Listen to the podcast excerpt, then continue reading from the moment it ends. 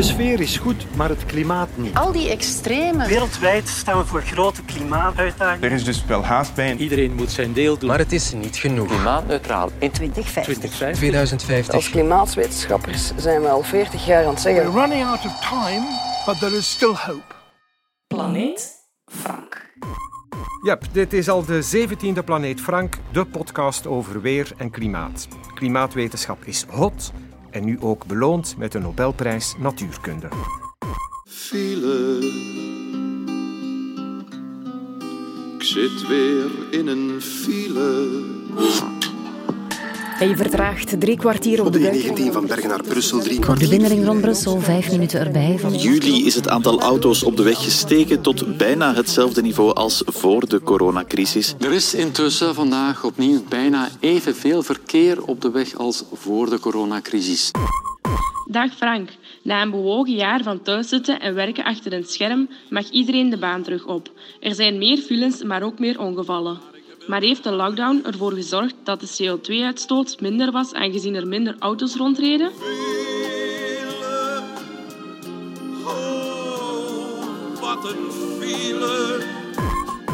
Dag Helene. COVID-19 heeft in 2020 ons leven helemaal overhoop gegooid.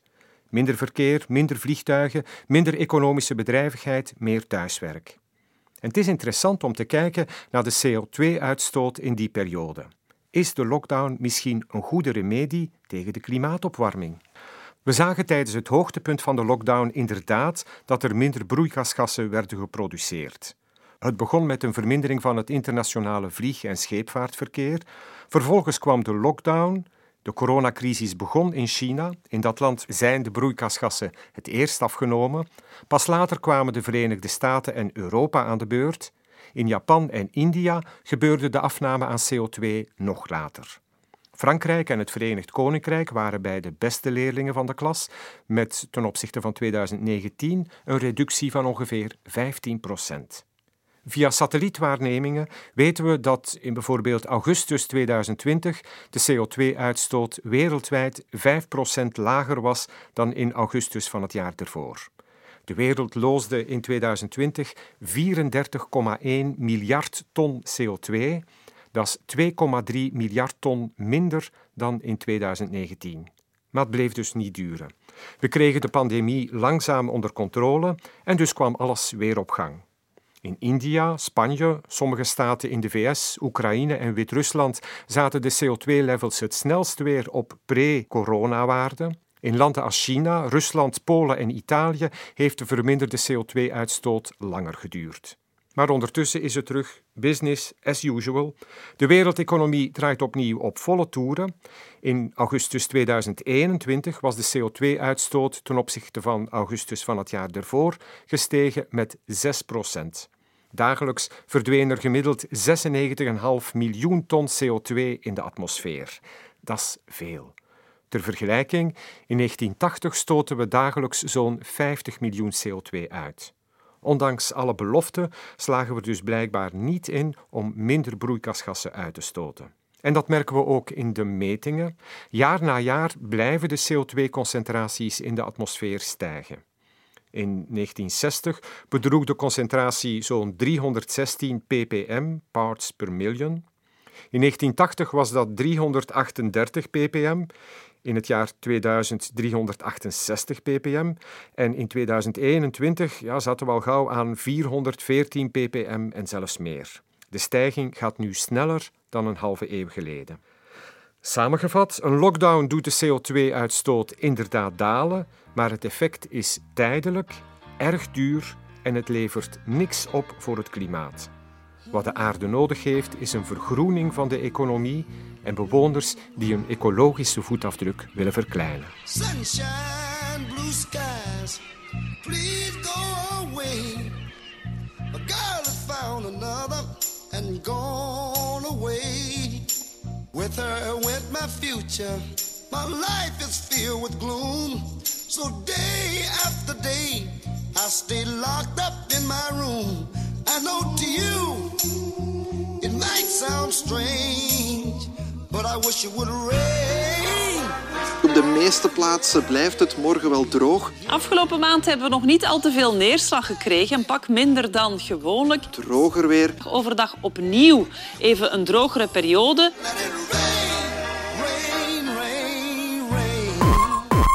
Beste Frank, mijn naam is Matthias uit Nederokkerzeel en ik heb een vraag in verband met neerslag. We verbruiken veel regenwater in huis en hebben onze regenwaterput voorzien van wat sensoren om het peil te meten. Zeer verslavend om zo de hoeveelheid neerslag in het oog te houden en dus kijken we steeds weer uit naar de regenzones die over ons passeren. Op de radarbeelden merken we echter vaak dat de regen ons voorbij trekt. Hebben we gewoon pech gehad of zit er meer achter? Zijn er lokale verschillen in België? Volgens horen zeggen krijgt het Hageland gemiddeld de minste jaarlijkse neerslag in België. Klopt dit? En waaraan zijn de verschillen dan zoal te wijten? Dank u wel. Je hebt je schaapjes op het droge, Matthias. Maar als je elders in Vlaanderen woont, hoef je niet meteen te wanhopen. Iedereen krijgt op tijd en stond zijn natje en zijn droogje. Het KMI heeft een dertigtal automatische weerstations die continu waarnemen.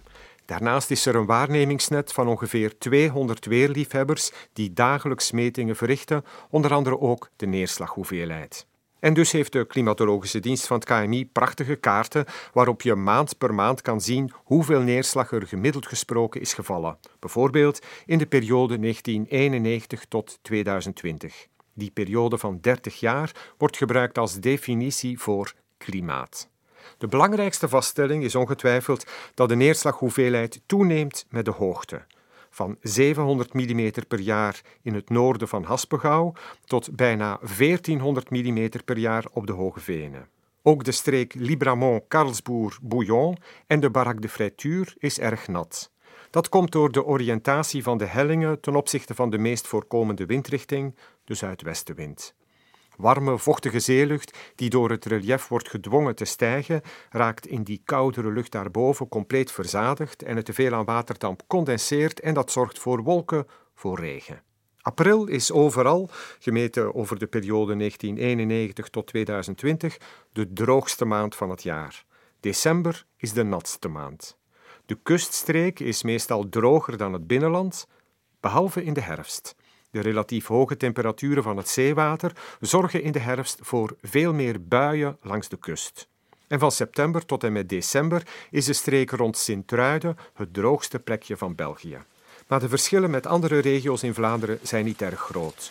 Enkele goed gemikte onweersbuien zijn voldoende om bij een herziening van de kaarten in 2031 voor net andere resultaten te zorgen. Of bekijk het positief, het regent in Vlaanderen gemiddeld gesproken ongeveer 7% van de tijd. Gedurende de overige 93% van de tijd is het droog. 10.000 ton aan uh, vracht, 600.000 ton goederen. Het had nu een capaciteit van 564.763 ton. Bijna 160 miljoen ton tegenover 150 miljoen vorig jaar. Elk jaar worden de schepen groter. Hallo Frank, ik had een volgende vraag voor jou. Mensen staan er dikwijls niet bij stil waar de producten of de materialen vandaan komen die ons aangeboden worden in de winkels. Wanneer er nu op ieder etiket duidelijk de herkomst van de grondstoffen en de plaats van productie zou staan, dan kunnen we voor onszelf een juiste keuze maken. Een alternatief is dat de kilometerscore zou meegedeeld worden op het etiket. Dus hoeveel kilometers de ingrediënten allemaal afgelegd hebben van het product dat aangeboden wordt. Dat is een heel interessante vraag. Ik had daarover een eh, lang gesprek met professor Verolien Koubergen. Zij is in de onderzoeksgroep Persuasieve Communicatie van de Universiteit Gent gespecialiseerd in hoe je mensen kan aanzetten om meer duurzame keuzes te maken. Vandaag dus het eerste deel van dat gesprek. Verolien, welkom in de podcast. Ik val met de deur in huis. Waarom moeten we duurzame keuzes maken? Ja, dat is natuurlijk uh, een binnenkopper. Um, ik denk dat ons gedrag, en zeer specifiek ook ons consumptiegedrag, zeker een belangrijke impact heeft op de uitputting van uh, natuurlijke bronnen, maar ook uh, in het algemeen dan op, op de gevolgen voor de klimaatopwarming. En sommige van onze gedragingen, um, daarvan is de milieu-impact duidelijk. Als we denken bijvoorbeeld aan het nemen van een fiets, in plaats van dat we met de auto gaan, ja, dat is heel duidelijk dat we dan minder impact hebben. Maar bij andere gedragingen is dat, is dat meer indirect en zijn mensen zich daar eigenlijk minder van bewust. Als we een nieuwe tablet of een, een laptop gaan kopen, ja, dan staan we minder stil bij de milieu-impact van onze aankoop. Nu ja, als we duurzame keuzes maken, dan, ja, dan geven we als consument ook wel betekenis aan die duurzaamheid. We gaan dan eigenlijk duurzaamheid meenemen in onze aankoopbeslissing. En zo gaan we dan eigenlijk indirect ook wel bepalen welke producten rendabel zijn voor bedrijven. Dus hoe meer consumenten duurzaamheid van producten voorop gaan stellen in hun beslissingen, ja, des te meer dat bedrijven ook gedwongen gaan zijn om dan goed te gaan scoren op die duurzaamheid. Ja, dus een beetje uh, aanbod en, en vraag, een beetje marketing gewoonweg. Ja, en op die manier kan je dus eigenlijk wel stellen dat stakeholders wel ook een, een belangrijke factor zijn in het geheel van mm -hmm. duurzaamheid. Dan zien we toch dat, dat onze keuzes in feite niet altijd even duurzaam zijn. Hè?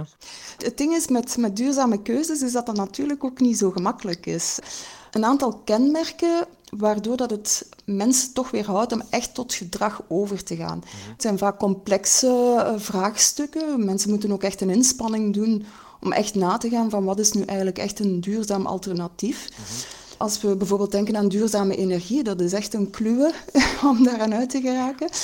Maar ook vraagt je mensen ook wel om bepaalde korte termijn voordelen, eigenlijk om die wat te laten vallen. Als je zegt van ik heb zin in mango's, maar als je dan in de winkel staat, zou je eigenlijk toch moeten kiezen voor de lokaal geteelde appels of ja, peren van, van, van om de hoek. Meer proberen te denken op, op lange termijn. Dat is het eigenlijk. Dat je echt gaat denken van, oké, mijn keuzes die ik nu maak, oké, ik ga daar wat voor moeten opgeven. De kosten zijn daar misschien wel wat hoger, de psychologische kosten.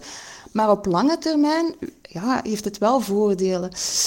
En dat is natuurlijk wat moeilijk. Hè? Als we kijken naar onze menselijke aard, ja, dan zien we dat daar het concept of, of een, een, proces dat we ook wel temporele discounting noemen.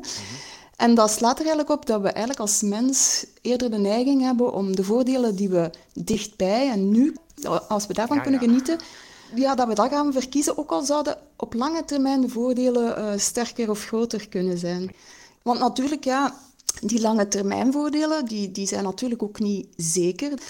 En plus ook, je moet wel ook wel over wat zelfcontrole beschikken om nu nee te kunnen zeggen. Hè.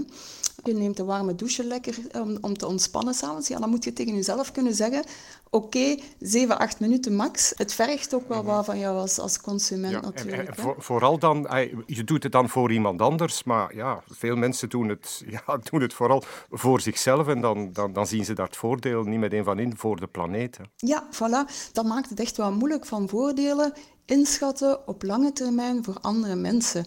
Dus ja, dat, dat, dat fit niet volledig met onze huidige maatschappij ook niet, waar dat we echt wel die hedonische behoeften die dat we hebben, die we eigenlijk bijna instant nu vervuld willen zien. Ja. Verolien, hoe belangrijk is het aandeel van vervoer van een product in, in de totale CO2-voetafdruk? Dat is natuurlijk maar één van de vele factoren. Hè. Dus ja. een productlevenscyclus, je hebt transport, maar ook productie van de grondstoffen, productie van het product zelf, verkoop, recyclage.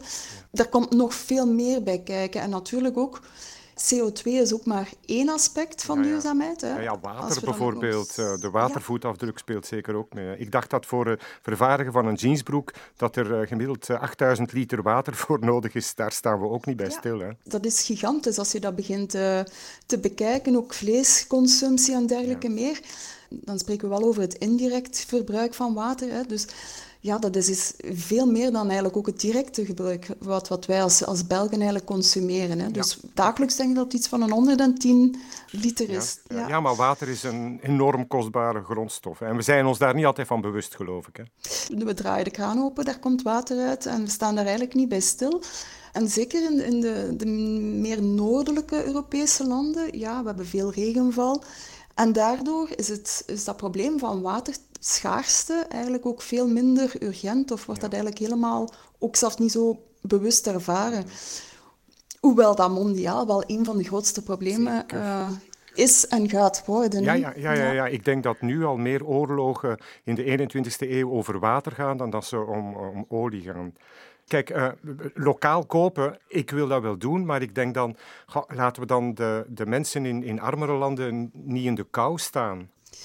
Ja, dat is natuurlijk een, een, moeilijk, uh, een moeilijk evenwicht. Ja, duurzaamheid, uh, als we kijken puur naar de definitie daarvan, gaat erover hoe wij hier op aarde een goede levenskwaliteit kunnen aanhouden op lange termijn. Om dat evenwicht te kunnen houden, moeten we onze impact zo klein mogelijk proberen te houden. En daarvoor moeten we eigenlijk zoeken naar een balans tussen, noemen we ook wel eens de drie P's, people, planet en profit. En natuurlijk, ja, als je lokale producten gaat kopen, en waar bijvoorbeeld de productieketen heel erg kort is, ja, dan ga je ecologisch misschien zeer goed scoren, maar daarom niet op het sociale aspect.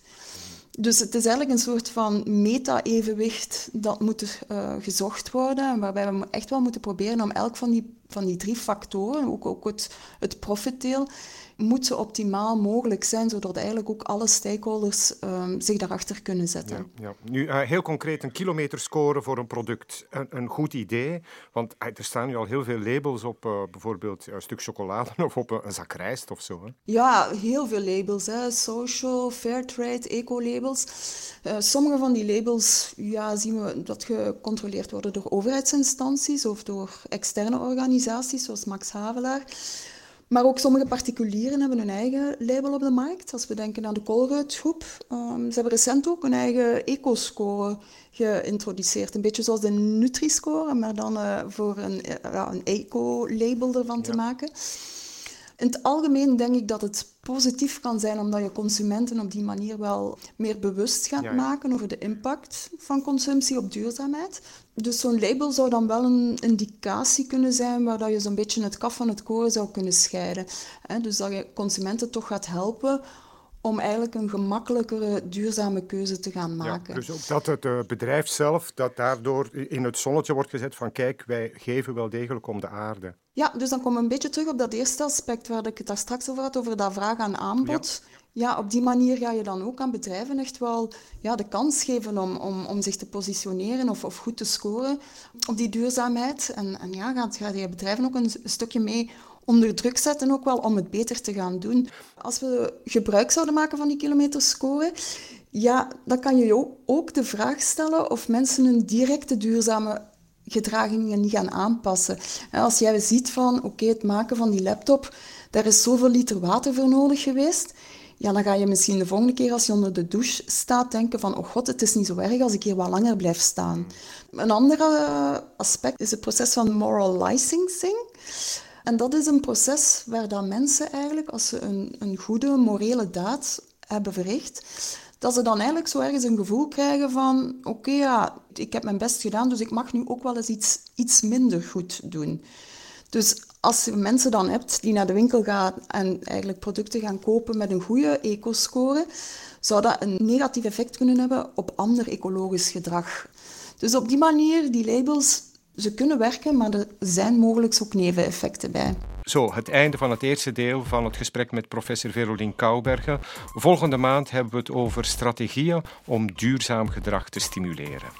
Heb je zelf een vraag voor Planeet Frank? Je kan die altijd stellen via het invulformulier op de site, via hashtag planeetfrank of e-mail planeetfrank.vrt.be. Tot volgende maand. Meer op de podcastpagina van vrtnieuws.be of via de podcast-app op je smartphone.